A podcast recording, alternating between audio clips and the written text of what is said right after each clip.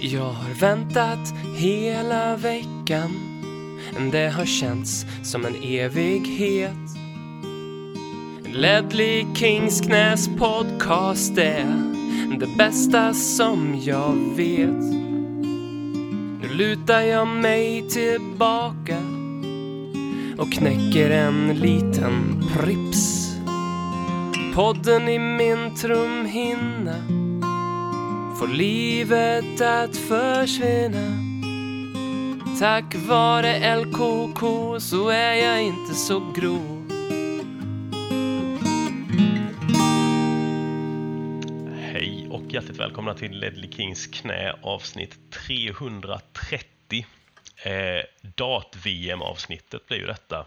Eh, idag är det jag, Robert Folin, med och med mig har jag Arvingarnas sångare Kasper Janebrink. Hjärtligt välkommen tillbaka Kasper. Hur, hur är det turner, turnerlivet? Uh, ja, nej men det är skittrevligt. Ända, ända från Partille. Uh, det är så kul att spela och sjunga. Och allt sånt där som Arvingarna gör. Uh, det är säkert jättemycket av det där i alla fall. Tänker jag mig. Det var en sån, när man var typ sex år så hade jag en jävla då var jag oerhört glad i Eloise av Arvingarna. Jag kan inte säga att den har, det har, hängt, det har inte hängt men... i det intresset tyvärr, men äh, du, det och du. Jag, jag, kan ändå, jag kan ändå påstå att det är en rätt fantastisk låt. Den, den, går, den går ändå hem fortfarande, tycker jag. Gott så. Kollade du på datorn eller igår? Han du med det bland alla konserter?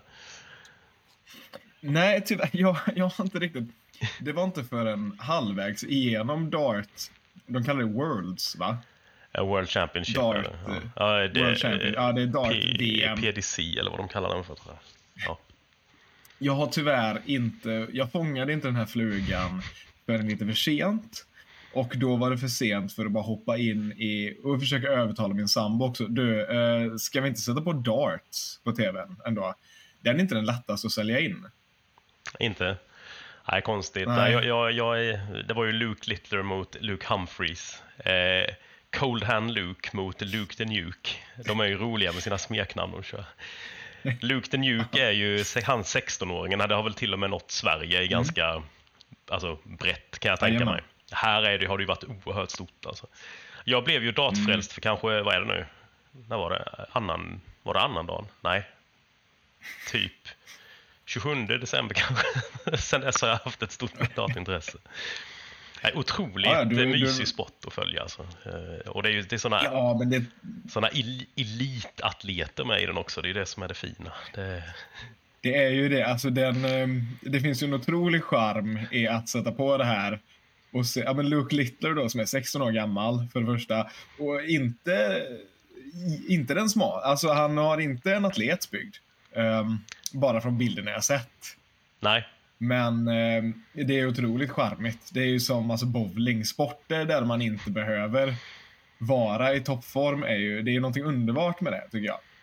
Och också en, ett, ett sport där en 16-åring kan ta sig till VM och komma till final. Det är otroligt fint. Ja, det är, det är jävligt charmigt. Det är också lite kul med Littler att Humphreys som han mötte då, Humphreys vann ju eh, finalen med, med 7-4 i, eh, i set. Mm. Eh, och ehm, eh, han är 28 då, Humphreys. Det, det, det, är ju liksom inte... Och det är ganska ungt tror jag för att vara i datsammanhang. Alltså det är ju ganska många så här, gubbar med mm. att spela. Det var ju någon final för inte så länge mm. sedan. De hade gjort någon sån där eh, en tabell på gemensam ålder när man slog ihop åldrarna i finalen. Och det var ju inte för så många år sedan som det var liksom 89 typ totalt. Och så det är ändå Och här, här kom de väl precis upp i, vad blir det, 42 eller något va? Eller vad blir det, 40, mm. 44 blir det. 44 blir det. Eh, så nej, härligt. Men man, också, man hade ju inte, alltså om man inte hade vetat åldern på någon av dem hade man kunnat gissa att Little var äldre än Humphreys. Det är den, den, den, ja, den typen av britt är det. Jag såg bilder på honom på Twitter när han var 12, mm. tydligen. När han var sin första tävling. Och då såg han också ut som en medelålders man. Hade han skägg då också eller när han var 12? Eller det har kommit Ja, ja, men... ja, det är det som är så det, otroligt. Det... Han har ju ganska liksom vuxen skäggväxt för att vara 16 också. Det nej, mycket härligt. Ja, det är, det är lite smärtsamt att se som en 24-åring eh, som har noll skäggväxt. det, det är ju nästan lite ont, men jag, jag håller ändå på honom bara för att han är 16, utan tvekan. Ja, det var mycket... Det var fint ögonblick på puben igår, men det var, det var inte så jättemånga på puben, men det kändes som alla som var där hade flytt ner dit för att se dartfinalen för att det antagligen inte var någon hemma som ville kolla på den med dem. Ja. Och det här, det här suset av eh, när de var inne, när de kastade sina typ 180 kast. Första, första trippen var lite oh, och sen blev det oh, och sen blev det oh. Det var, det var en del sådana. Nej, otroligt. Rekommenderade eh, jättevarmt till alla som tycker om att ja, sitta och fick... slötitta på något lite och ta en öl. Alltså det, är, det är otrolig sport för det. Jag får ge mig in i nästa tävling helt ja, enkelt. Absolut. komma in i den här sporten. Det är ju Premier League är ju i februari. Jag vet inte vad det innebär. Jag tror det är 16 spelare, eller 16 tävlande med då. Och nu är det ju snack om Little mm. ska vara med eller inte. Jag vet inte exakt hur de väljer ut alla i det, men, men vi återkommer till det här i LKKs eh, nya datpodd. Ja, absolut. Eh, vad har annars hänt i Tottenham-världen? Vi har spelat mot Bournemouth. Vunnit med 3-1 och vi är tre poäng från första platsen. En poäng bakom ja. Arsenal. Fantastiska Arsenal.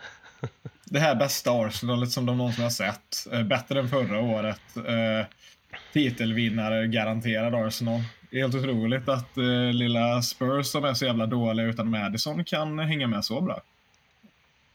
Det är helt ja, det, underbart. Det är otroligt fan mig. Eh, 3-1 mot Bournemouth. Um, vad har du att säga om matchen? Jag tyckte att eh, det var en intressant match. Eh, jag tyckte att vi, vi spelade inte så bra som vi kan spela. Vi tappade matchen rätt stor del i mitten. Alltså säg eh, 30 minuter in och sen tills det var 30 minuter kvar kanske så hade vi inte så jättebra kontroll. Och alltså stundtals igenom matchen så eh, lyckades Bournemouth eh, överrumpla oss rätt mycket med sin otroligt hårda press och eh, alltså Iraolas eh, bra, alltså bra hårt nötade taktik. Men, eh, men vi, vi kom ändå ut på topp och vi spelade bra. Och eh, vi hade vissa av våra, alltså vissa spelare i laget gjorde otro, en otrolig match. Verkligen. Lo Celsos andra sticker väl ut lite. Celso var fantastisk. Särskilt andra två assist mm. på honom. Uh, Destiny Udogi mm. genom mm. hela matchen. Han är ju alltså... Man kan inte tro vad man ser. Man blir så rädd. Uh, man blir så rädd att man har en så bra ung vänsterback. För man... Uh, man är, det är lite som när man är svartsjuk för att man har en snygg flickvän. Man är bara rädd att någon ska ta henne. ja, det, det, aningen. Jag var mer orolig för några veckor sedan innan han signade nytt kontrakt. Det känns ändå som han, han hade ju mm. inte jättekort tid kvar på kontraktet och det är ändå sex år, eller sex och ett halvt var det kanske till och med, det var till 2030 då. Um, mm. Nej, fantastiskt. Han, han känner jag lite så har, visst många som, som, som har hyllat honom också, men att han har inte riktigt varit samma poängspelare som Porro har gjort, som har varit, han har varit. Att, eh, han hamnar lite, lite i skymundan där ibland. Och sen är det ju de här ett par avstängningar mm. han har åkt på eh, som har varit kanske lite onödiga. Eh, men nej, ja. som sagt, jag älskar honom. Han är otroligt fin. Verkligen. Och... Pape Sarr med. Men det var en allmänt... Ja, ah, Sarr. Alltså vilken, vilken grabb. Mm. Vilken alltså, solstråle.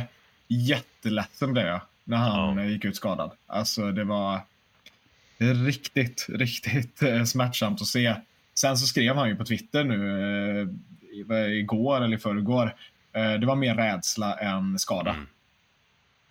Så det var ju en väldigt positiv grej. Ja, det verkade väl tyvärr inte vara lika väl för Velit. Eh, tack. Nej, det var ju, det var ju riktigt också jättetråkigt att se eh, en, alltså en 19-åring brista ihop så. Men det verkar ju som att han bara är borta i sex veckor. Sa inte Ange, eh, såg jag precis. Jaha, Ange hade sagt ett par månader nu i eh, såg jag någon intervju med nu bara i eftermiddags från Tottenham. Men det kanske är... Jag tror jag såg ett tweet precis innan vi hoppade in från LG ah, okay. som låg på mycket mindre. Okay. Men eh, Ange gillar ju att spela upp det lite. Mm. Det gör han. han det, vi kollar på mannen som, ty, som tydligen kunde starta som sexa i den här matchen. Ja, ja den såg man fan inte komma. Eller jag vissa såg ju det. Det var ju någon, något inlägg från hans fru, va? eller från hans flickvän. Hans flickvän som postade en blurrig bild. L30 is back. Mm. Nej, men eh, det är nog viktigt här att, att addera lite följande av eh, spelarnas flickvän och fruar har jag insett nu. Jag brukade ju följa, ja där har jag också en koppling till matchen, ju fru, fru Loris. Eh, henne vet jag att jag brukade följa, man har inte sett mycket där på sista tiden. Um, eh, han tackade sig av också i halvtid, Hugo. Um, mm. um, en, en spelare som man måste bara eh, hysa upp vid det här laget. Ja, ja, um, det, det, är lätt att glömma hur jävla bra han har varit under en lång tid i, i klubben. Och just de här åren, att han var kvar under, genom alla de här managerbytena när det eh, var minst sagt skakigt i klubben och han väl stod på sin peak egentligen. Det måste ju ha funnits mm. intresse i honom. Det, det, alltså så, så ja, bra som det han. var. Det var någon kombination där mellan att eh, rollerna som han blev erbjuden inte riktigt var eh, var, till, var inte tillräckligt för honom, och, eller klubbarna var inte tillräckligt. Så nu har väl han kanske insett att han inte är på den nivån som han själv trodde att han var vid sommar ungefär. Nu när han då väljer att gå till eh, LAFC. Mm. Ja, nej, jag tänkte mig under hela hans Spurs-karriär, liksom, säg för fyra, fem år sedan, så måste det ha funnits intresse från annat håll och att han aldrig, aldrig lämnade. Nej, men eh, som sagt, hoppas mm. han får en testimonial ja. också. Eh, jag, ja, gud ja. Det, det, var lite surt att jag gick inte på, på den matchen med tanke på att den låg på eh, nyårsafton och vi skulle ha... Eh, vad säger man? Hosta? Vad säger man? Var, var, var, vi hade bjudit folk på middag helt enkelt så jag var tvungen att bara dona mm. med det. Det hade varit fint att få tacka av honom men eh, ja, jag hoppas man får en chans till där det hade ju varit skönt att dra ja, ihop verkligen. gamla gänget. Liksom, jag tänker Loris, Den, eh, Dembele, Rose, lite av de lirarna, Wanyama. Ehm, det kan ju bli ett rätt skönt gäng. Ja, ja, ja. Vilket jävla gäng ja. han kan dra ihop där som han har spelat med. Ja. Underbart. Jag hoppas eh, Delhi kommer på besök också. Ja, såklart. såklart. Han väntar man ju fortfarande lite på att han ska kicka igång under Sean Dyche. Ja, verkligen. Men äh, allmänt så tyckte jag att det var en bra match. Det var en väldigt kul match att se. Det är alltid kul när det är Charlie som får göra mm. mål. Äh, det, det, går rakt in i hjärtat. Och äh, så måste vi... Vissa tyckte att han var lite svag mot Bournemouth, men vi måste också höja upp uh, våran älskade kapten, Son, lite extra. Fyra plus fyra i månaden december. Mm. Och uh, han är nu nominerad till uh, Player of the Month. Vilket jag tror han kommer vinna. Ja, jag vet, ja vilka andra är det som är... är Sala med där också? Eh, Sala är inte med. Solanki är ja, med. Såklart, såklart, um, jag minns inte riktigt alla, men det var ingen som riktigt hade presterat alls likt eh, Son på den fronten. Han får ju annars rätt snabbt, alltså, tycker jag förvånansvärt snabbt skit ibland, Son, om han har en svajig match. Men det kanske är att man Alltså när han, är, när han verkligen träffar rätt i en match så är han ju överjävlig. Alltså som mot, eh, som mot Newcastle hemma till exempel. Det kanske är att man tycker att kontrasterna blir så mm. stora mot när det känns som att ena matchen gör han i princip vad han vill. Till att, ja, sen kan det ha, ha det tyngre. Men alltså en mm. sak med som jag tror man missar, alltså, eller jag vet inte om folk missar det egentligen, men han är en grym avslutare alltså. Om man kollar på statistiskt ja, ju... också hur många mål han i princip förväntas göra mot hur många han gör så är det ju ständigt överpresterande där. Och det säger ju något. Han är den bästa, han är den bästa avslutaren vad är det, de senaste fem, tio åren eh, efter Lionel Messi. Mm. Det, är, det är verkligen en av de bästa avslutarna vi någonsin har sett i Premier League. Och jag, jag tror han får rätt mycket skit även av Spursare rätt snabbt. Mm. Jag tror han förlorade lite förtroende eh, förra året. Mm när han hade en så fruktansvärt svag säsong. Eh, vilket han inte egentligen hade. Landade han på typ 13 mål egentligen. Ja, han, han det spelade upp sig rätt okej okay på slutet ju. Han, han rättade till. Det såg stundtals väldigt svagt ut. Ja. Men med tanke på det med, för då, då var det ju prat om att Conte spelade han helt fel. Eh, mm. då hade han, men då hade han väl med en mer ytterroll liksom. Var det väl? Eller hur fan spelade han egentligen? Eller låg han framför? Min uppfattning av eh, Son under Antonio Conte, andra säsongen, inte första, var ju att eh, han, han ville att han skulle droppa ner väldigt mm. mycket och samla boll från mittfält och sen fördela och driva upp. Eh, jag är ingen jättetaktikvetare, men eh, det var min bild och det, det är ju verkligen fel för Son. För han ska ju bara få stå vid kanten av försvarslinjen och avsluta. Mm. Ja, man vill ju ha honom nära målet. Liksom. Det ska inte vara en... Eh, ja. Mm. Eh, och det är också en litet konstigt drag att göra när man har en Harry Kane i laget, att Son då ska ner och hämta boll av, av alla. Med tanke på hur jävla bra Kane var. För det är ju nu, nu, nu känns det som att Richarlison har ju, ju spelat, ja nu är ju Son borta ändå i eh, ett antal matcher för asiatiska igång. Mm. Men med Richarlison i den formen han har varit centralt i banan nu så är väl Son tillbaka ute på ytterplatsen permanent skulle man kunna tänka sig. Det verkar så. Jag har lite svårt och det, det känns som att det svänger där. Ena veckan tycker man att Son ska spela centralt och andra veckan så har han en sån insats mot, mot Trippier om man säger, mot, mot eh, Newcastle. Ja. Och då vill man ha honom på kanten igen. Han är, han är lite het och kall. Mm. Eh, det är han, men eh, han gör upp för det. Mer än alltså, något annat, Gud ja, tycker jag. Gud ja. Det jag känner där är väl kanske att det, det lämpligaste är Son på kanten på grund av att han är bättre där än vad Richarlison är. Eh, Richarlison gör sig ändå bättre centralt. Och nu har han ju ja, faktiskt börjat göra mål också, så det, det, låt han vara där och bara fortsätta med det. Definitivt. Definitivt. Nej, men allmänt, eh, en bra match. Eh, tycker jag. Eh, det, det, det, som märks genomgående är eh, spelarna är trötta. Eh, spelarna blir rätt skadade. Men eh, vi, vi gör verkligen det bästa med vad vi kan. Mm. Ja, det är jävligt imponerande alltså. Sen sån som Ben Davis som har fått gå in och bli ordinarie, han har ju varit skitbra alltså. Ja. Nu har jag en soft spot i honom och, och försvarar gärna honom mot eh, när folk gnäller om att han inte är bra. Jag vet inte, jag vet inte vad folk har förvänt, för förväntningar riktigt om vem, vad vi ska ha för någon reserv vänsterback slash mittback. Eh, alltså, är det Guardiol eh, eller som folk förväntar sig att ha det? Jag vet inte riktigt vad eh, folk tycker är realistiskt. Eh, jag har svårt att se att man kan hitta en, en mer lojal och ändå så pass bra eh, truppspelare jag, jag tycker han, eh, han är lite av en drömspelare mm. att ha som vänster, mitt, vänsterback slash mittback. Alltså han... Nej, han är uh, otroligt lågt ner på min priolista att hitta en, uh, en replacement för. Ja, verkligen. Jag tycker nästan, nu vet jag för inte när hans kontrakt går ut, men nej. Och sådana lång, alltså trogna långtjänare vill man väl ha kvar, känner jag. Ja, utan tvekan. Nåväl. Eh, vi har imorgon fa Cup-match mot Burnley. Det är väl inte mycket mm. att säga om. Det har ju varit lite, lite snack om, nu är, tror jag absolut inte att eh, van de Vent är tillbaka eh, redan tills dess. Men det har ju varit lite snack om att eh, han har hämtat sig rätt väl från sin skada. Ja, han var ju med och tränade som normalt den här veckan. Mm.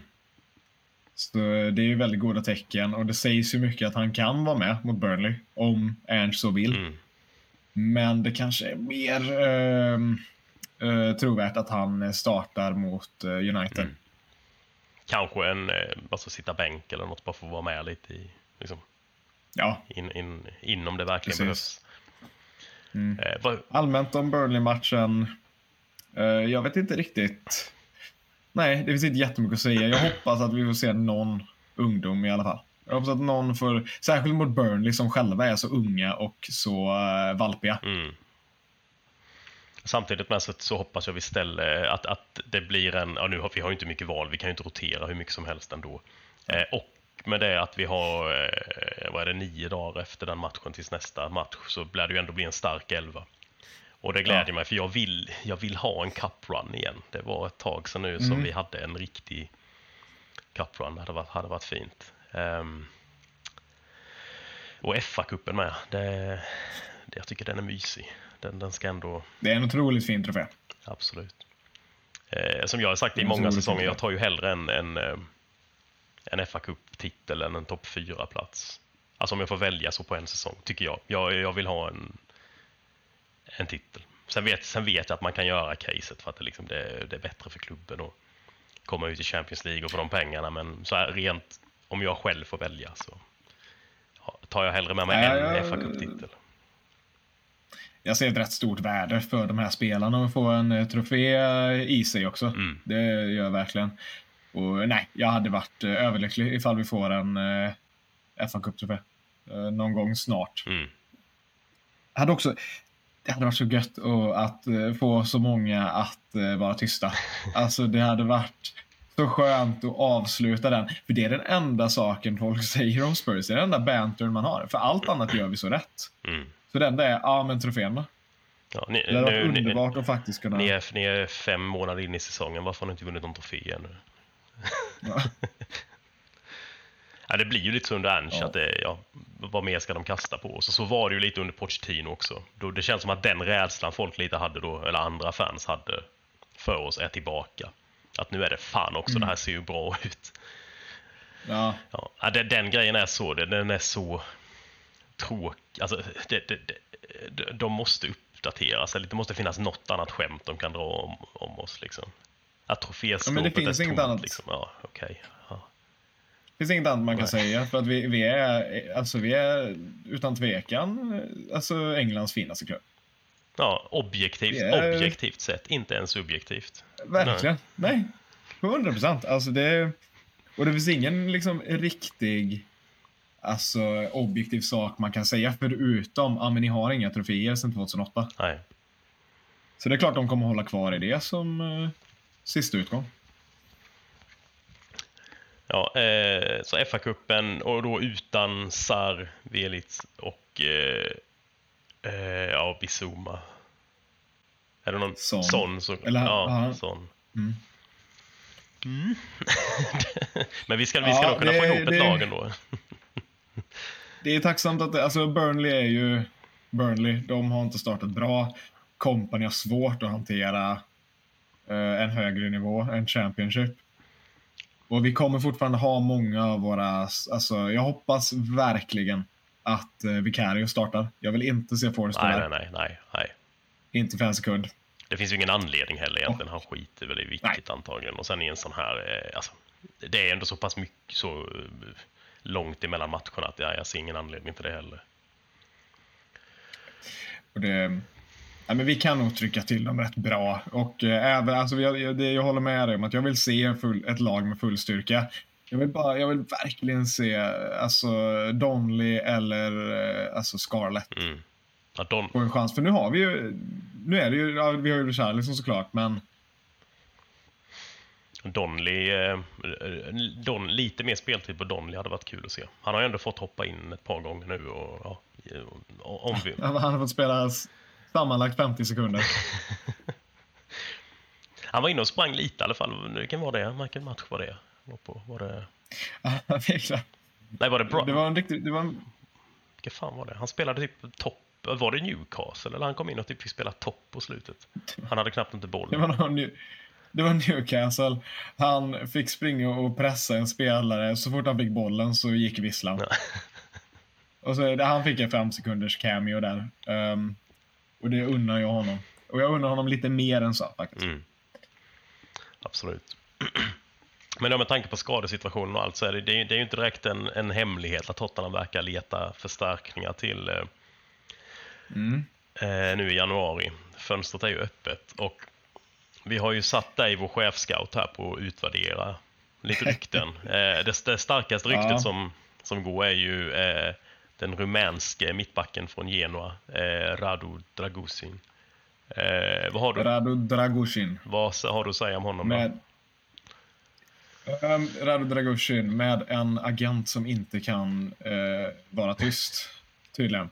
Jag har eh, kollat en hel del på honom nu när vi har börjat ryktas. Eh, för att jag hade ingen superbra koll på honom innan vi började ryktas. Jag visste alltså att han var en Ju- före detta Juventus eh, akademispelare, eftersom han har varit utlånad en del. Eh, nu spelar han då i Genoa i en eh, trebackslinje som eh, på högersidan. Och det, det som står ut mest till mig när jag kollar på honom är att han kan vara den starkaste spelaren just nu i, alltså, i topp 5-ligorna. Han är så ofantligt stark, den här grabben. Han är snabb, han är stark, han hoppar otroligt... Alltså han är så spänstig. Bra, bra i luftrummet allmänt. Han är Serie A's bästa mittback eh, när det kommer till eh, luftdueller. Det enda frågetecknet som folk ställer upp med honom är ju hans spel med boll. Hans eh, passningsförmåga. Eh, jag tycker personligen att det är lite... Eh, ett, är det lite överskattat i Ernsts system. Och två så tycker jag hans förmåga med bollen är lite underskattad. Mm. Jag tycker att han är väldigt kompetent när han väl får chansen. Mm. Och Ernst Postecoglous mittbackar, Romero är otrolig med bollen. Men det är han bara för att han är Romero. Ja. Liksom. Van de Ven gör inte jätteimponerande grejer. Alltså hans passningsförmåga är inte otrolig. Jag tycker att de är rätt eh, nästan till likvärdiga där. Med alltså passningsförmågan. All, verkligen bra nog Mm. för att spela backup. Ja, och nej, jag menar folk, eh, det är många som är lyriska över Ben Davis insatser nu också i, en, i hans backlinje och det är ju inte heller någon, det, det är ju inte Xabi Alonso direkt. Nej. Nej, Men jag, jag, jag, är väldigt, jag hoppas verkligen vi löser honom för att även om jag ansåg ju såklart att eh, han, John Claire Todibo, Mm. han var ju kanske drömvalet, men eh, alltså han är ju mitt i en titelstrid just nu. De är ju fem poäng efter PSG. Mm. Så eh, det kommer kosta en förmögenhet att alltså, plocka honom eh, i ett januarifönster. Det kommer inte hända. Så jag tycker att Dragushin är ett jättebra val. Mm. Ja, det verkar ju ändå också som att det, det möjligen skulle gå att göra där p- prismässigt också. Det- Det snackas om så här 30-35 miljoner euro, va? att de, de vill ha det, eh, Genoa. Ja, Och Tot- och det är bara lite, lite att köra tycker jag. Nej, med tanke på vilken, vilken, eh, hur tidigt det är på fönstret och eh, att det är mitt i säsongen också så är det ju inte, Mm. om han nu håller någorlunda likvärdig nivå med en eh, van der Fent så är ju det, hade det ju varit en otroligt bra värvning. Mm. Ehm, Jag tänkte, nu, nu när vi ändå pratar, för nu är det ju silly season. Det här är ju mi- mina två favorittider på året. alltså januari och eh, juni, tror jag. Det är ju verkligen, alltså jag lever för det här. Det är så underbart. Jag ville först, så vill jag ge er ett litet quiz som är delvis relaterat till Spurs, men inte helt. Okej, Det är bara tre snabba frågor om eh, lite värvningsquiz bara. okej. Och eh, på första frågan så har jag eh, tre frågor till dig. Så att säga. Jag, jag vill veta vad den dyraste värvningen någonsin är. Jag vill veta vem den dyraste värvningen mellan Premier League-klubbar någonsin är. Och jag vill veta vem den dyraste svensken någonsin är. Den dyraste värvningen någonsin. Eh... Ja, vem fan kan det vara? Och då menar du en, en värvning, inte, inte total sådana på en spelare, utan en övergång som skedde. Ja, En, en övergång. fan. Och eh, det, det är okej att be om eh, hint som du vill ha. Alltså jag tänker ju, man tänker ju direkt på, på Barca eller Real Madrid. Ehm, City har ju mycket pengar men de värvar ju ofta inte en liksom svindyr utan det är ofta liksom rätt många rätt dyra de plockar. Alltså det första, första jag tänkte på var Eden Hazard men jag tror inte han var, han hade väl bara ett år kvar på kontraktet med så han var väl ändå rätt dyr. Alltså är det Ah, Jag vet inte fan, ska jag dra till med? Han, eh, han är inte... Han har ju skippat eh, lite fotboll då och då för att eh, gå Ah, på ja, ja, ja, lite födelsedagsfester. Det är Neymar såklart. Det är Neymar. 222 miljoner Just från det. Barca till PSG. Ja, såklart. Ja. Fan, fan vad pengar. Alltså, dyraste... Nej, det förstörde ju fotbollen helt om du frågar mig. Men eh, Ska jag inte hålla på så. Eh, dyraste värvningen mellan Premier League-klubbar då? Är det eh, Brighton-Chelsea eller Casero? Jajamän. Det är rätt. Det är rätt. Det är rätt sjukt alltså. Och så... Är snacka om pengar i toan, herregud. Jag tvingar mig inte ens att prata om det. Alltså jag, jag, blir, jag tappar det helt. Vilka, alltså vilka idioter. Todd Bowley, fy fan. Vad var den på? Det var Eh, nästan ja. uppåt 90 miljoner pund eller något, eller vad var det? Jag hörde ju 115 till Eller det var 120. så mycket till och med, fy fan. Ja, Han var ju det är ju katastrof. Oj. Alltså fy fan. ja jävlar. Så jävla skitspel också. Um, dyraste svensken någonsin. Den där borde man ju ha hört nyligen. Alltså det är det inte... Det är det inte Zlatan till Barca? Nej, för då gick, gick ju Eto'o med också. Men fan skulle kunna slagit han då? Vi har inte haft jättemånga Nej, men vi, stora vi, pris. vi drar den tror jag. Zlatan till Barca. Ja. Eh, Jag har inte i huvudet vad det var, men eh, den dyra svensken någonsin var Alexander Isak till Newcastle. Ah, såklart. Fan bommade man den. Det är klart. Nu, nu har vi lite roligare frågor här. Nu har vi lite Spurs-frågor. Ehm, bara två stycken. Ja. Jag vill veta, i 2017 så vill eh, Harry Redknapp värva Benoit Asso Ekoto till Birmingham City. Men han kunde inte, för Asso Ekoto ville jaga en annan karriär. Vilken karriär ville han jaga? Var det porrskådis? Jajamän. Asso Ekoto ville bli en porrstjärna istället. Detta eh, pratade Harry Redknapp om friskt med pressen. Ja. Underbart spel. ja det, Vilken underbar vilken jävla duo också. Harry och Ekoto. Ja. Jag gillar ju inte fotboll, alltså Ekoto. Det, var ju, det är jätteomtalat. Han eh, avskydde ju fotboll. Ehm, sista frågan. Vart bekräftade Victor Wanyama sin övergång till Spurs? Vart han I, blev. vilket, han var på ett väldigt specifikt ställe.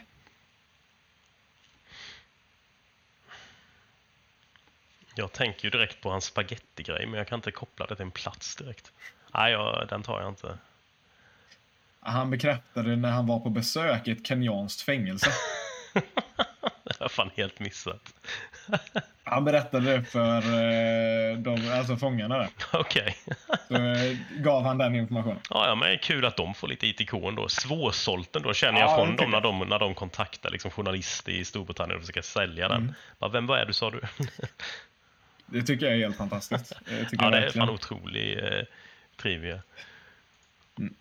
Från en till det nästa då. När, om vi ändå liksom pratar om eh, transfers så fick vi ju en väldigt bra fråga i vår chattgrupp från Jonathan. Han frågade då, hur går en övergång egentligen till? Får man förhandla med spelare agent innan bud accepterats? Räcker det med okej från klubben? Han, eh, han lägger märke till det att det är väldigt mycket personal terms agreed innan någon, eh, någon summa Mm. har betalats eller kommit överens om. Men det, det är väl överlag ganska så vanligt nu att man liksom ger spelaren rätt att prata med klubben. Alltså även om inte något är... Sen kan du ju säkert säga liksom att nej men det, det får du inte göra förrän vi är överens om en övergångssumma. Eh, och sen lär det väl också ske på andra vägar även om du inte även om man inte får på Ja. papper. Liksom, den här tapping up är ju ganska vanligt. Det kändes som att Berbatov också visste när han gick till United vad han skulle få i lön. Det var inte så att det bara oj, alltså, ska ni erbjuda Ja. mig något? Nej, och det känns ju lite som att det alltid är det. Eh, fa- Faktum är att det är ju objektivt. eh, Det är inte, det är inte lagligt, eh, eller det är inte enligt Uefa okej, att eh, prata med en spelare innan man kontaktat klubben först. Men eh, klubbar kan ju, alltså klubbar har ju the, the final say. Så Jonathan frågar, räcker det med okej från klubben? Ja, det gör. Mm. Det, det räcker med okej från klubben. Eh, och det är ofta så det gör, tror jag, att de säger så, ja, ni kan prata med spelaren också. Eh, bara för att de vill, de vill förmodligen få det att gå smidigare. Mm. Så är det. Jag har ju mest egen erfarenhet av det på division 6-nivå. Eh, Och då är det ju den fina, den fina frimånaden man vill jobba med där i november-december. Där spelarna får gå utan att den andra klubben behöver godkänna övergången i Fogis. Som är det här systemet Ja. de använder för övergångar som är helt bedrövligt för övrigt. Jag kan nästan tänka mig det. Det... Vi, vi fick också... Förlåt, vad sa du? Kör du på. Eh, vi, vi fick också en fråga från eh, Loco Loki. Eh, där han frågade hur, vi, hur det ser ut för oss FFP-mässigt. Mm. Det, det borde ju vara väldigt bra väl. Vi är väl en av de mest profitabla klubbarna i världen. Alltså oavsett sport i princip. Men den, den gillade jag det han lyfte där, att, för det var han va, som skrev om Keynes övergång också. Att, eh, att vi just där har vi faktiskt, med allt som snackas om Chelsea här, att det är bra för dem att sälja egna talanger för att då räknas allt det som, som vinst med tanke på Harry Kanes övergång. Har jag bara inte tänkt på. Eh, så det ger ju inte bara utrymme till att det kommer in pengar vi kan spendera. Det ger ju också utrymme just i att vi har en buffert i Financial Fair Play. Eh, så ja, nej, Eh, det är ju antagligen så- ser det ja, otroligt jävla bra ut där för oss. Det, vi är helt utan risk där Allting jag kan hitta leder mig till att tänka att liksom det är mycket som tyder på att vi har i alla fall 400 miljoner alltså, pund i svängrum. Mm. Vilket är en summa som Spurs inte kommer spendera. Ja, nej. Så vi, vi, har nog, vi har ingenting att oroa oss för där. Eh, FFP är, eh, vi är helt safe där. nej det, det är inga så här 20 millar som man hade räknat in på Richarlison någonstans som kommer få en att casha in 10 poäng avdrag direkt. Precis. Men andra rykten då som finns, eh, alltså det, Dragushin är väl det absolut starkaste ryktet. Det har dykt upp lite om Gibbs White de senaste dagarna. Det känns inte direkt som det kommer hända nu i januari va? Morgan Gibbs White som är Forests absolut bästa spelare. Ja. Eh, fa- fantastiskt bra. Jag kan inte riktigt se honom ens. För han hade inte startat för oss. Nej. Inte, han är inte bättre än Madison, Nej. men han är fantastiskt bra. Eh, och jag hade blivit jätteglad om vi tog in honom, men det hade kostat Ja, det lär otroligt mycket. Och eh, ja, nej, jag, jag, det är svårt att värva en bra mittfältare i januari alltså. Och särskilt, jag vet inte om våran prio verkligen ska ligga på offensiv mittfältare. Nej. Jag tycker med eh, The Rise of Gio Lo Celso, Mm. eh, när Gio Lo Celso-tåget börjar tuffa på igen. Och eh, Dejan Kulusevski som har gjort det fantastiskt på den ytan också. Så tycker jag man mycket hellre ska kolla på en sexa. Mm. Ja, jag tror nästan in... där är det lite... Ja, nu, visst, nu är det väl just då för kort sikt eh, behov av att täcka upp det. Eh, men alla är tillbaka sen så är det ju en... Det kommer ju vara väldigt välfyllt på den positionen. Ja. Men visst, skulle Höjbjerg Mm. exempelvis verkligen vilja lämna nu, då, då måste man väl ha någon täckning där. Alltså nästan enbart för januari, februari månad. När, eh, Ja. Vi saknar så många på den platsen. Jo, Jota, Och då- är det ju- Diego Jota ryktas det ju också om. Vad har du för take på, på han? Såg du han något när han spelade med eh, Celtic och Angel? Ja, eh, det, eh, Diogo Jota är han från Liverpool. Ja, förlåt. jag tror ja, bara han förlåt. heter... Jo, ja. Jag tror han har ett, jag tror han har ett artistnamn som eh, Madonna. Han heter bara Jota. Um, ehm, ja, det snackas väldigt mycket om Jota och han är bra. Um, han är väldigt bra, självklart. Han passar Ernsts stil. Men jag, är, jag har fortfarande den här fördomen i mig där jag är lite rädd för det här att ta in en spelare från eh, skotska ligan. Som tydligen inte har gjort något vidare avtryck i eh, Saudi.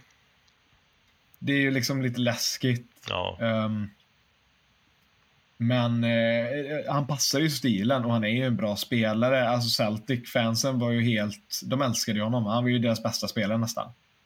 Och han är en sån typisk Ernst-winger. Han kan gå åt båda hållen. Han är extremt teknisk, han är snabb, han har flärd.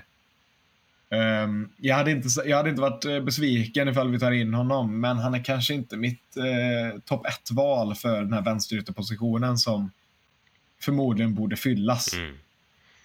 Nej, någonstans känns han kanske mer... Alltså, jag tar gärna in en, en, en vänster ytter till, men då vill jag nästan ha en som Alltså eh, hellre någon då som är ännu dyrare men som man vet i princip går rakt in eller som är liksom av yppersta, yttersta, yttersta klass.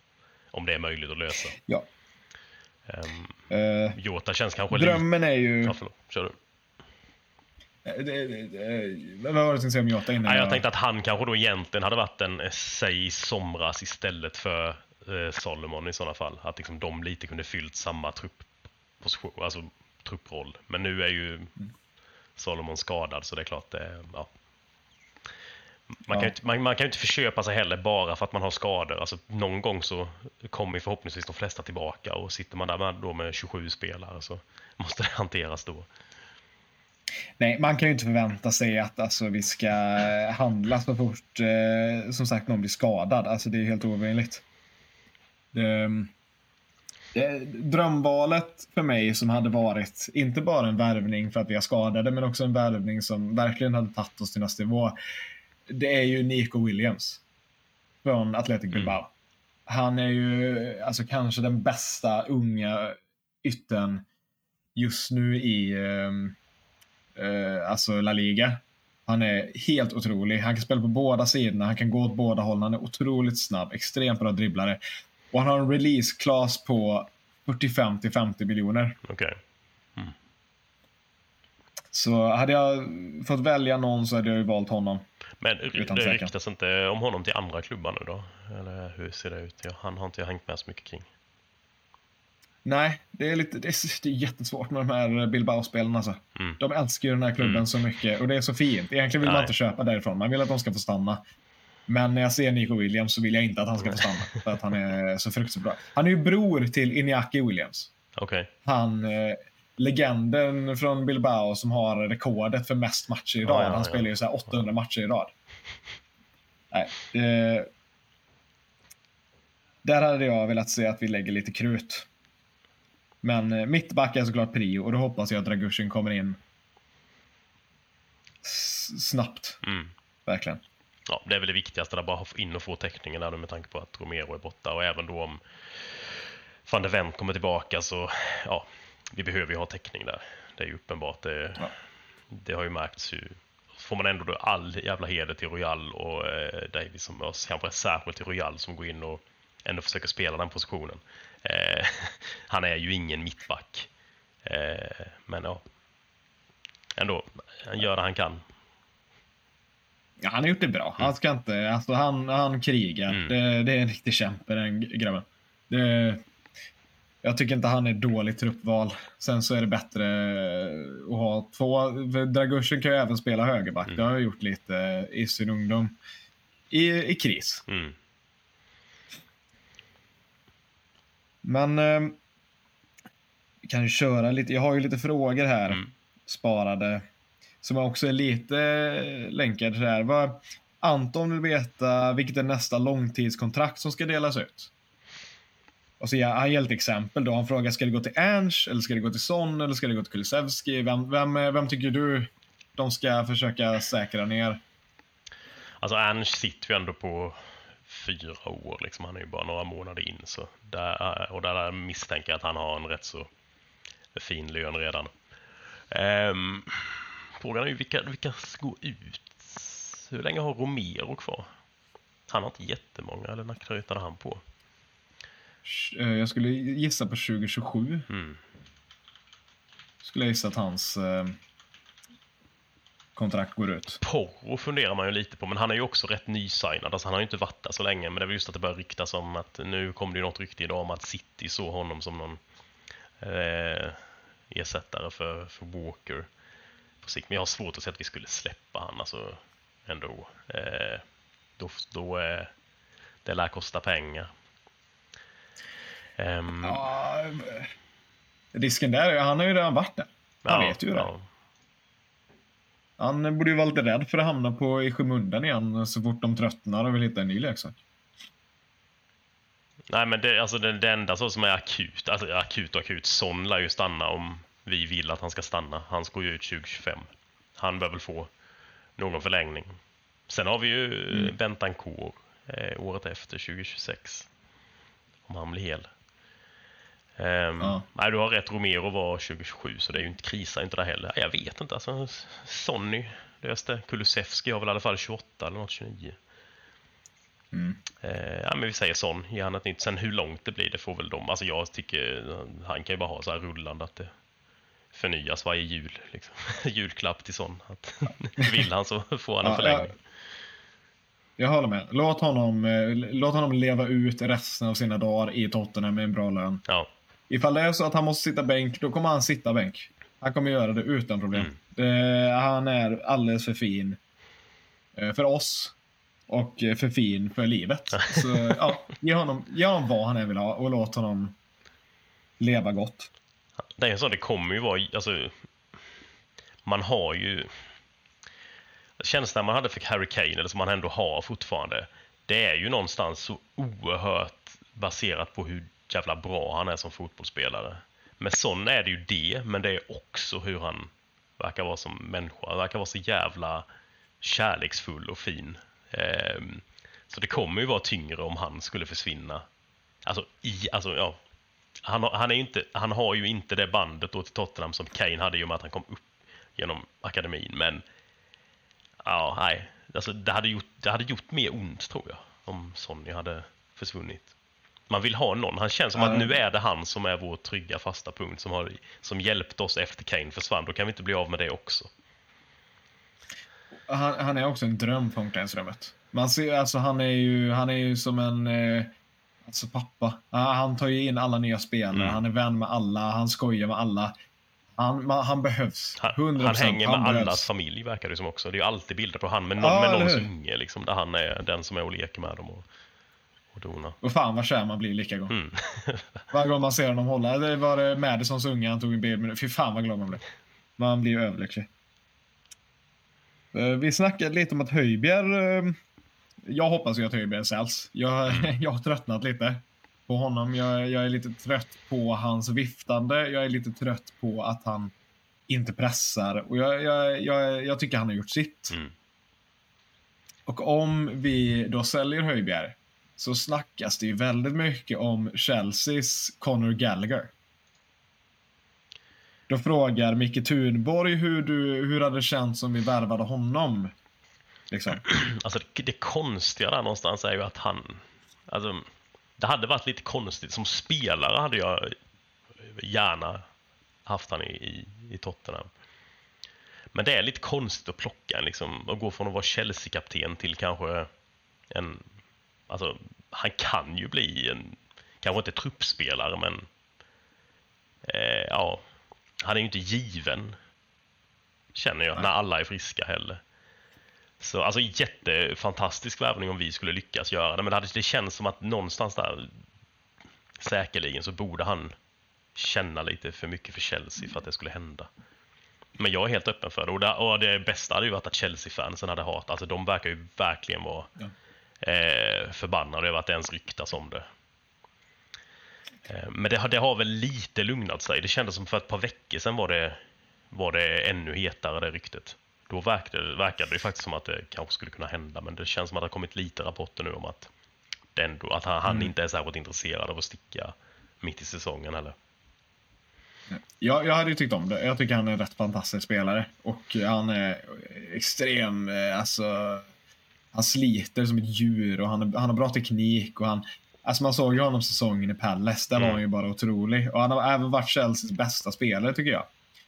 Men jag tror att Pochettino äntligen börjar lite fatta och jag tror inte att de kommer släppa honom.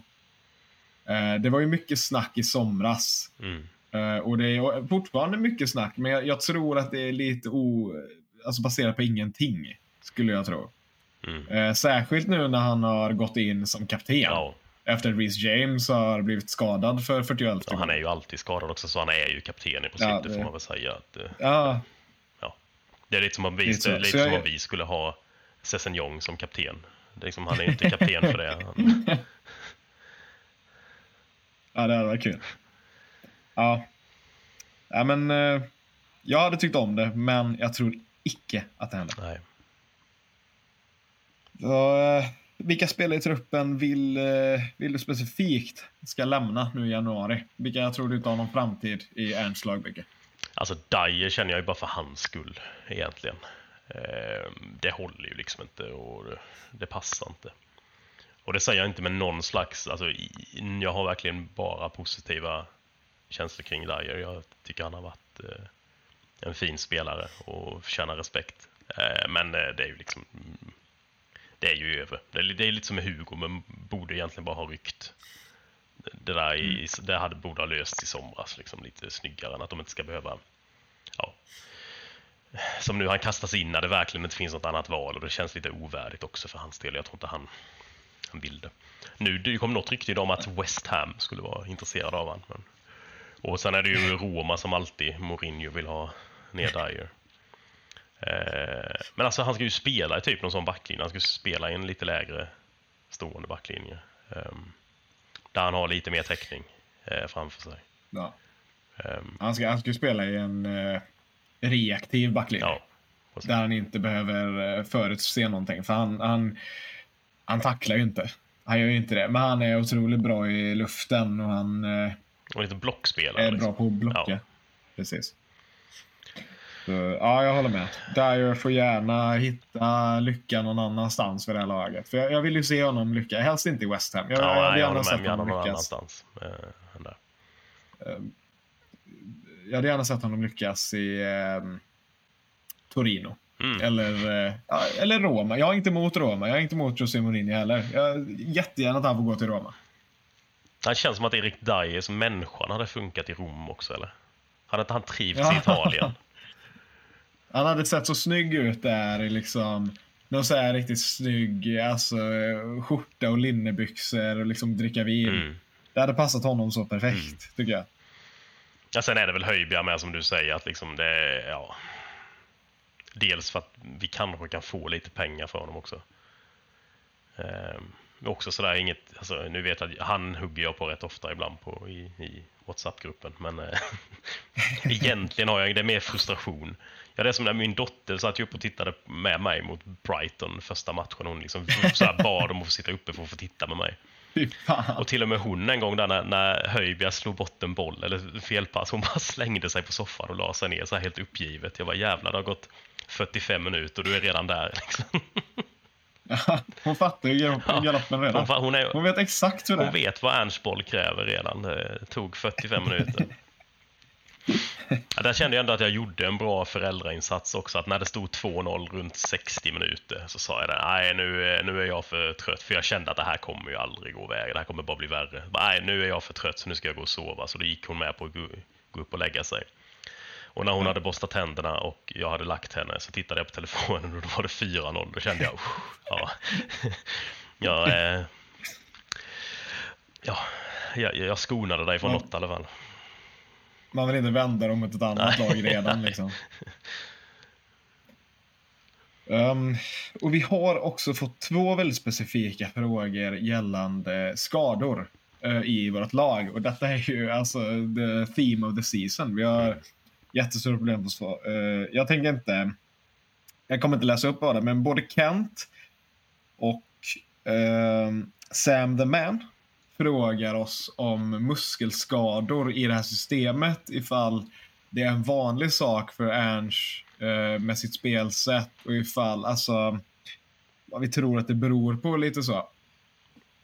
Och jag har ju suttit och försökt att hitta lite svar på det här. Och faktum är att i både Yokohama Marinos och Celtic så hade han jättesvåra problem med skador båda mm. första säsongerna. Specifikt the hamstrings. De, eh, det är så många sprints och det är så mm. mycket om och om igen. Det är så hård press. Det, man ser ju på Mickey, alltså Van de Ven, när han, han, eh, låt, han kan ju låta en spelare få bollen på djupled för att han vet att jag vinner den alltså, mm. fighten för att jag är en häst. Liksom. ja. Uh, och, och, detta är ingenting som Ernst, Ernst vet. Liksom det här. Han har pratat ut om det innan, han är van vid det här. Han, han, kommer, inte, han kommer inte ändra något för det. Han, det krävs en period där de får lära sig. Mm. Och de, där de får träna om sina kroppar lite till att vara vana vid det här. För även i både Yokohama och Celtic så blev det mycket bättre i säsong två. Mm, okay. Det mycket lugnare. Och det beror ju lite på att kropparna vänjer sig. Men det beror också på att man får in lite mer depth som kan um, spela på det här sättet och som kan avlasta A-lagsspelarna. Det är väl väldigt mycket alltså, särskilt mittbackspositionen där tänker jag också då som är särskilt mm. utsatt. Det är väl där det blir många Precis. av dem, alltså det behovet kan finnas för de här väldigt intensiva sprintarna.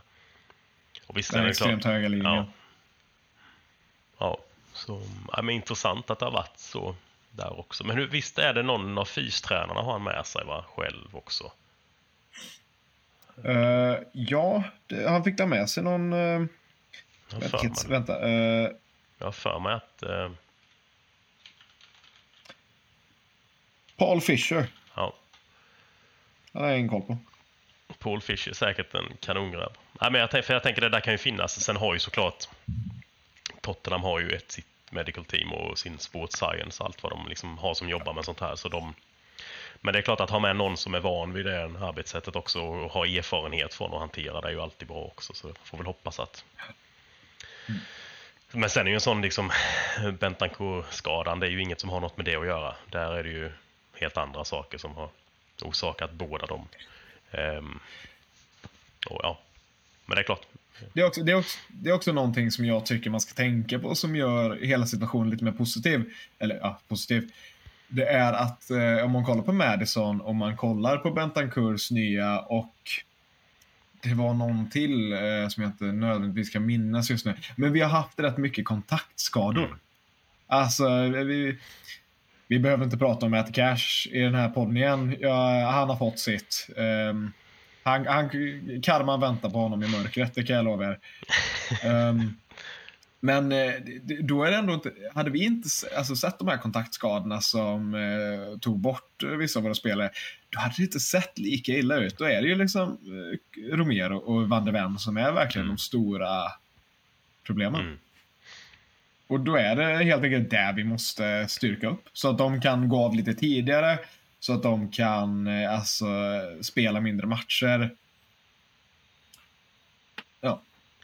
Ja, nej, och sen är det ju så, de, den typen av muskelskador man är ju ofta, de tar ju ofta rätt illa med. Så det blir ju ofta långa, längre frånvaro på den vad det blir på vissa andra så lite lättare känningar och grejer.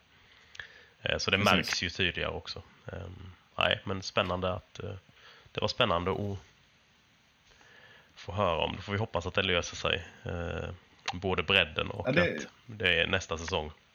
Att, att spelarna har det, det, är upp till, det är upp till Det är mycket upp till liv alltså. Mm. Är, som vanligt. Det, det 17 transferfönstret i rad där vi säger ja, nu, nu har Liv i allt att bevisa igen. Men eh, han har ju skärpt till sig lite, så förhoppningsvis kommer det ju. Man får hoppas, och nu det, ryktas ju åtminstone om rätt saker eh, tidigt ja. nu också. Eh, så man får väl, och liksom så, så som Ernst har, har alltså, ställt, fått med hela klubben på sin grej så snabbt också. Det känns, det känns som att han har ju så mycket kapital att gå in med och liksom säga till Liv att nu får du ja. fixa detta. Liksom, det här får vi, ja, alltså, får vi alltså- lösa bara. Precis. Um, Ge han nycklarna till, eh, till staden eller vad fan det är man säger. Ja.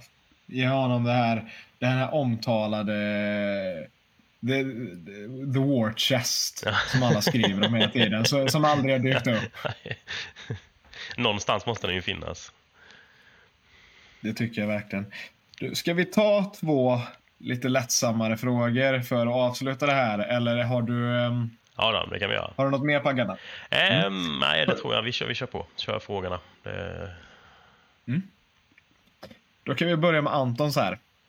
Socker i kaffet, ja eller nej? Nej. Det blir, det blir ett nej från mig med. Ja. Det, tyvärr. Men eh, eller alltså, acceptabelt, absolut. Bara inte för mig. Ja, ja, nej, folk, each to his own, men eh, nej, inte här. Eh, jag skulle dock behövt idag, jag köpte någon sån här kall espressokaffe på M&S. Fy fan, det var, jag, alltså, jag har svalt snorlosker som smakade bättre än det. Alltså, där hade jag behövt allt, allt socker i världen för att mm. hjälpa mig. Men annars, nej. Det är om det är riktigt bedrövligt. Ja, jo det kan jag förstå. Och eh, Ja, men för att avsluta då. Om ni måste välja nu. Fråga, eh, Johan frågar här. Om ni måste välja nu. Dö nu eller leva för alltid? ja, jag känner ju inte för att dö just nu så jag får nog dras med så här, ett sånt här alvliv från Sagan om ringen. Att, eh... Men jag, ja, jag misstänker äh... att det är ett sånt, att man, på något vis borde man kunna dö. Eller? Eller? Det, kan... det, det, det är en... Eller kanske inte. Jag vet inte varför jag sa att den här, jag vet inte jag sa att den här var lättsam. Johan, du ska veta att det är en otroligt filosofisk fråga. Um, särskilt ifall man tror, som jag gör, att uh, den här världen kanske inte kommer existera så jättelänge till. Många parametrar. Ifall världen, liksom, ifall denna jorden förstörs, kommer vi då också förstöras? Eller lever vi som... Uh, vi bara flyter, flyter, flyter runt i, liksom, ja. i ja, vi bara flyter omkring på en helt total förstörd planet. Det hade ju varit ett intressant att jag, göra jag också. Jag tänker köra rätt. Mm. Jag, jag, vill inte leva ett sånt uh, I have no mouth but I must scream mm. uh, liv. Så jag säger att uh, så länge, jag, så länge jag, bor, jag lever på den här jorden så lever jag gärna för alltid. Inga problem. Plus en. Jag såg att eh, Jon hade frågat om Ernst kör, sidenkallingar som är två storlekar för stora eller, eller kör han Y-front? det, det här du får förklara Y-front för mig. Vad innebär det? Det är ju de här, alltså, eh, vad ska man säga, de som går in. Eh, du har liksom inte så mycket som hänger bredvid sidan utan den sitter liksom runt paketet. Tight och fint. Ja, det är en sån tidy whitey som typ man så, kallar det på. Typ så, ja. Uh. Spontant tänkte jag siden, sidenkalsongerna och de stora liksom. Men sen samtidigt så han har ju lite, han är ju, har ju grek på brå liksom. Så att de känner ju att de, de hatar väl inte sina tajta kallingar. Jag tror han chockar, han kör nog ändå i fronten och jag tror det. Jag tycker, jag tycker Ernst ser ut som att han vill överallt annat vara bekväm. jag tycker han ser ut som en otroligt bekväm man. Och um, Nej, jag tror definitivt på sidenkallingen. Okej, okay, okay. intressant. Eh, det, det, är också det, hellre, det är också hellre den bilden jag vill ha i huvudet. I, innan, vi, uh, innan vi avslutar bara, så att vi inte glömmer. Um, Matilda Winberg. Ja. Välkommen till Spurs. Jag, jag, en ny värvning. Jag antar att hon lyssnar på den här podden. Ja, men det tror jag. Uh, det, svensk person i Spurs, det måste hon göra. Vad fan, vad gör du annars? Ska hon, precis, vad ska hon annars göra? Um, mm.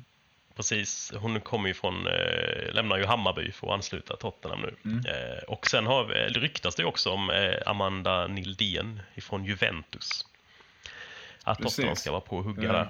Eh, det hade ju varit lite kul att få in lite svenska tjejer i laget också. Med, eh, med ja, Robert som är där. man kan tro att det, det är kanske Robert som har eh, haft lite extra koll. Han har ju pratat om det, men jag lyssnade på någon intervju med honom om att han, de har varit på svenska spelare tidigare, men de inte lyckades riktigt. Um, han pratade om det också, han var ju i Häcken innan. Uh, det är ju Tottenhams, mm. jag, jag, vet inte alla, jag, jag, antar att alla hade koll på det, men det Tottenhams damlagstränare är ju Robert, um, Robert vad heter han, Vil, Vilaham, Vi, Vilaham ja. uh, från, som tidigare tränade BK Häckens damlag.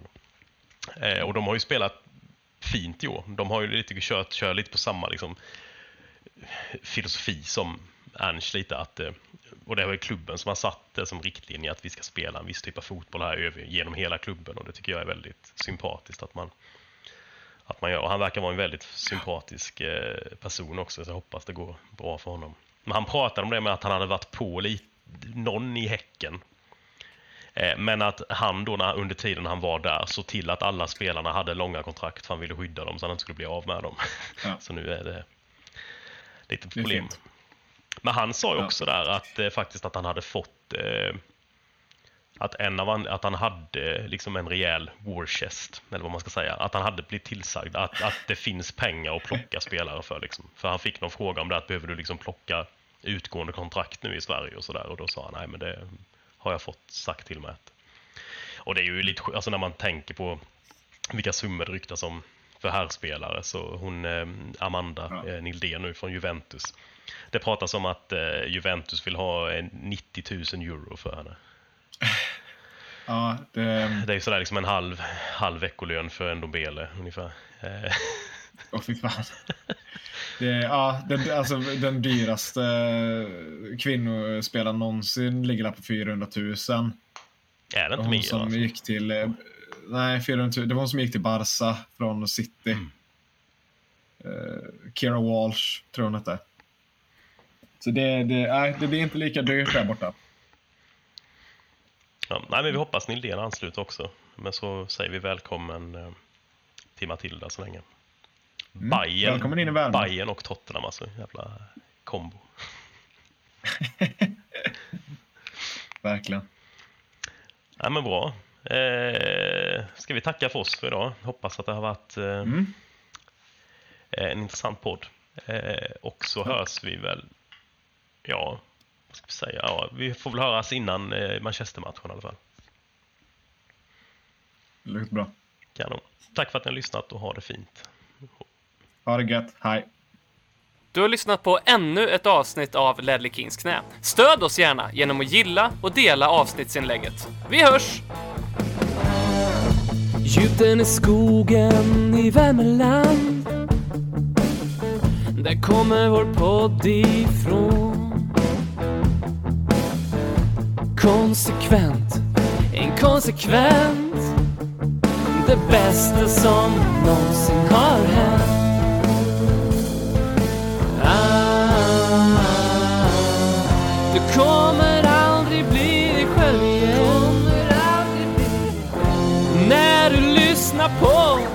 radioteatern Nej, du kommer aldrig bli dig själv igen Du ska inga andra poddar förutom Lelle Kings knä ha vid din sida.